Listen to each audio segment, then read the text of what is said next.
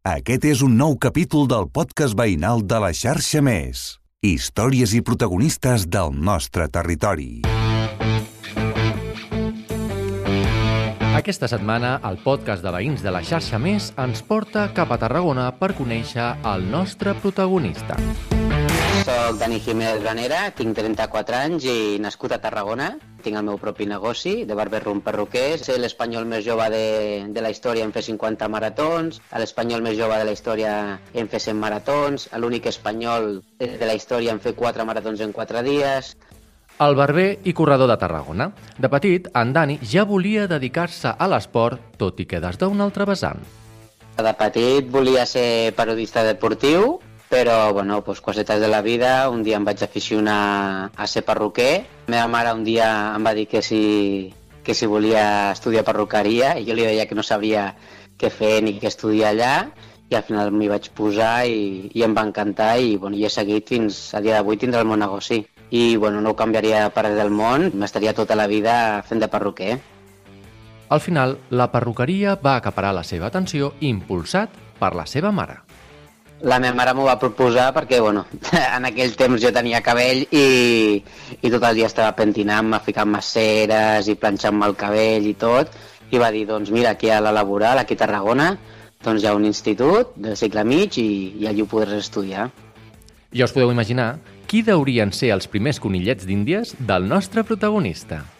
Doncs mira, els primers van ser els de casa, els hi va tocar i després de tots els amics del futbol, de l'institut, i bueno, i aguantant bronques de la meva mare que li deixava la casa plena de pèls. Un cop als estudis cursats, en Dani va tenir un bon cop de sort.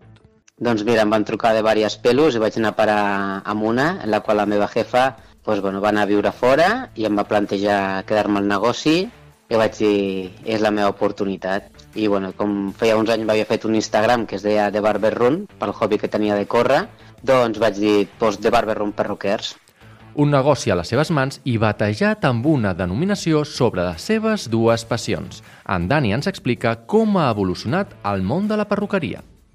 Doncs bueno, tot va canviant, els, per exemple els nois es cuiden molt més, tots porten la barba, tots van a les afeitats, fan els degradats, el futbol, les modes, les redes socials, tot canvia, se fan les metges, les balallaix i totes aquestes coses, al final però te tens que adaptar. Per això, si tens un bon negoci, tens una bona marca de productes, pues, vas formant, fent cursos i, i és bastant fàcil.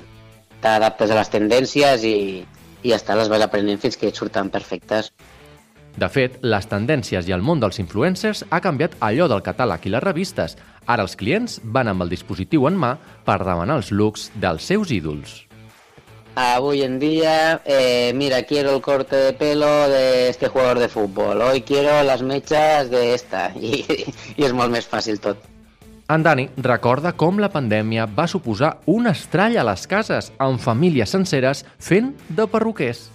I bueno, vaig veure ahí cortes de talls de cabell espectacular que havien fet les dones, els homes a la dona, la mare al fill, el, la filla a l'avi, i bueno, va, va ser tot un mes d'arreglar coses, però bueno, mira. Jo després vaig obrir el negoci després de la pandèmia, que diuen que són los valientes, doncs pues mira, aquí n'hi ha un i, i fent-nos forts. Però bueno, la pandèmia va passar i, i bé, al final te reforces i te fas més fort. Més enllà dels cabells i les tisores, el nostre protagonista, com hem dit, té una història destacada per les seves fites com a corredor. Però com es va originar tot plegat? Així ens ho explica. Doncs mira, jo treballava en una perruqueria aquí a Tarragona i un home que es diu Josep Maria doncs me va dir que s'apuntaria a la mitja de Tarragona. Jo li vaig dir que jo corria, el just del futbol, aquelles quatre voltes al camp abans de començar i els partits i això. I li vaig dir, doncs pues mira, pues, potser m'apunto i de camí a Torre d'Embarra, a l'autobús doncs me vaig apuntar amb el telèfon i vaig ficar mitja de Tarragona i me vaig apuntar. Aquell mateix dia vaig anar a córrer i vaig fer dos quilòmetres, 960 metres. I bueno, doncs el dia següent me'l trobo Josep Maria i li vaig dir, Josep Maria, dic, mira que, que m'he apuntat a la mitja marató i he anat a córrer i tal. I me diu, ah sí, quants quilòmetres has fet? I li dic, dos quilòmetres, 960 metres. I me diu, diu, però tu estàs bé, eh? Diu, però saps quan és una mitja? Dic, jo què sé, dic, pues era córrer un rato per aquí pel davant del mar i tot això. Diu que la mitja són 21, i clar, no, me quedaven 18 encara, a diferència, i me quedaven 3 setmanes per la cursa. Així que, bueno, pues, vaig tenir que anar a sortir a córrer, baixar el ritme i anar, i anar sumant la, la distància. Ja veieu, un hobby saludable i com a mostra de superació personal.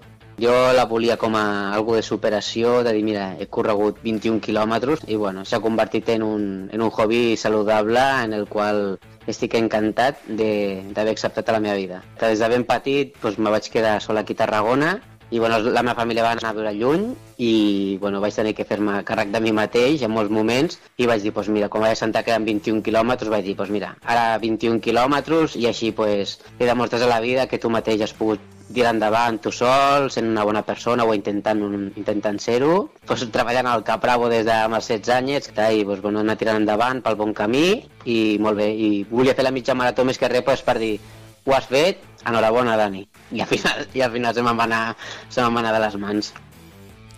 I a més de superació personal, també com a promeses i fites de contingut sentimental. Doncs mira, la... això d'arribar a les 100 maratons jo ni, ni ho sabia, m'ho van comentar que seria l'espanyol més jove de la història en fer 100 maratons i el cinquè més jove del món. I va ser casualitat. I dintre d'aquest repte jo tinc la meva mare que estava malalta i tenia càncer, ha passat dos càncers i jo li vaig dir que m'apuntaria amb un repte molt dur que eren 4 maratons en 4 dies a Itàlia, eren 168 quilòmetres. I, i bueno, ja vaig fer aquest repte i bueno, li volia dir que la meva mare només acabar i així ho vaig fer i vam plorar junts amb una vida trucada. I la veritat també sé que la gent es preocupa, la meva parella, els meus amics, de que faci tantes maratons. Perquè el normal que diuen és fer-ne 3 a l'any jo l'any passat em vaig, em vaig fer 27 aquest any em porto 17 ja fetes llavors doncs, la veritat no m'agradaria complicar molt més la meva vida i fer sé que hi ha proves dures com 10 maratons en 10 dies o hi ha carreres de 300 quilòmetres o 400 crec que també tinc un negoci, tinc que cuidar la meva vida, la meva feina, no? Al final el que em dona per viure. I de córrer i córrer a recórrer món. Les curses s'han portat en Dani a viatjar i conèixer altres indrets més enllà del nostre territori. Després vaig començar a córrer per les vies verdes de Castelló, les vies verdes de Tarragona, Saragossa, València... Bueno, d'aquí tres dies me'n vaig a córrer a Lituània, la meva marató número 102, he corregut en 11 països diferents, eh, en dos continents diferents, he corregut a Àsia i a Europa, he fet de llebre a una de les més prestigioses del món, que és Londres de 330, he anat a... Doncs, bueno, he fet bons papers en bones curses i estic content. El vull anomenar també un bon amic que tinc, Adrià Rebelles, doncs mira, quasi amb ell he anat a quasi la meitat de les maratons, i ell fa la mitja o fa la marató, acostumo a anar amb la parella, o acostumo a anar amb un grup de, grupet d'amics, 4, 5, per exemple, també vam anar a França i érem 4, Sí, sempre és més bonic si, si pots parlar d'algú al viatge o de les coses. Contra més coses més passen, doncs millor per comentar, no? Després hem vist noves monedes, hem après algo més d'idiomes, com te dic, doncs, bueno, Portugal, a França, Itàlia, Bèlgica, Suïssa, eh, doncs, un munt de països, he anat fins al Líbano, he anat allà a Beirut, a córrer, no? tot, tot és aprenentatge, el agafar un avió, el buscar un taxi, un autobús, tot, tot és suma vida, tot està, està genial. I com s'ho fan, Dani, per compaginar les curses i la seva tasca de perruquer?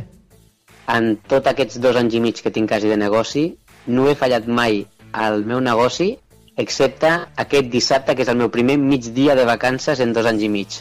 No he agafat mai vacances, i llavors aquest és el primer dissabte que m'agafo de festa per anar a Lituània. Em pregunto amb tot plegat quina preparació i quina alimentació segueix el nostre protagonista. Pareu atenció, us sorprendrà. Doncs mira, això és un tema complicat perquè també em van fer una entrevista... Bueno, jo parlava de, de la meva dieta, de la meva forma de portar-ho, i molta gent no ho entenia. Per exemple, doncs, a mi m'agrada molt el, la comida ràpida que li diuen, no? Pues anar al Burger King, al Kentucky, al McDonald's i coses d'aquestes i les guarrades. I, I la veritat que, clar, jo faig una marató cada setmana, llavors no puc entrenar durant tota la setmana 20 quilòmetres cada dia, llavors en surto a fer 5, i la gent no entenia com podia anar de 42 en 42.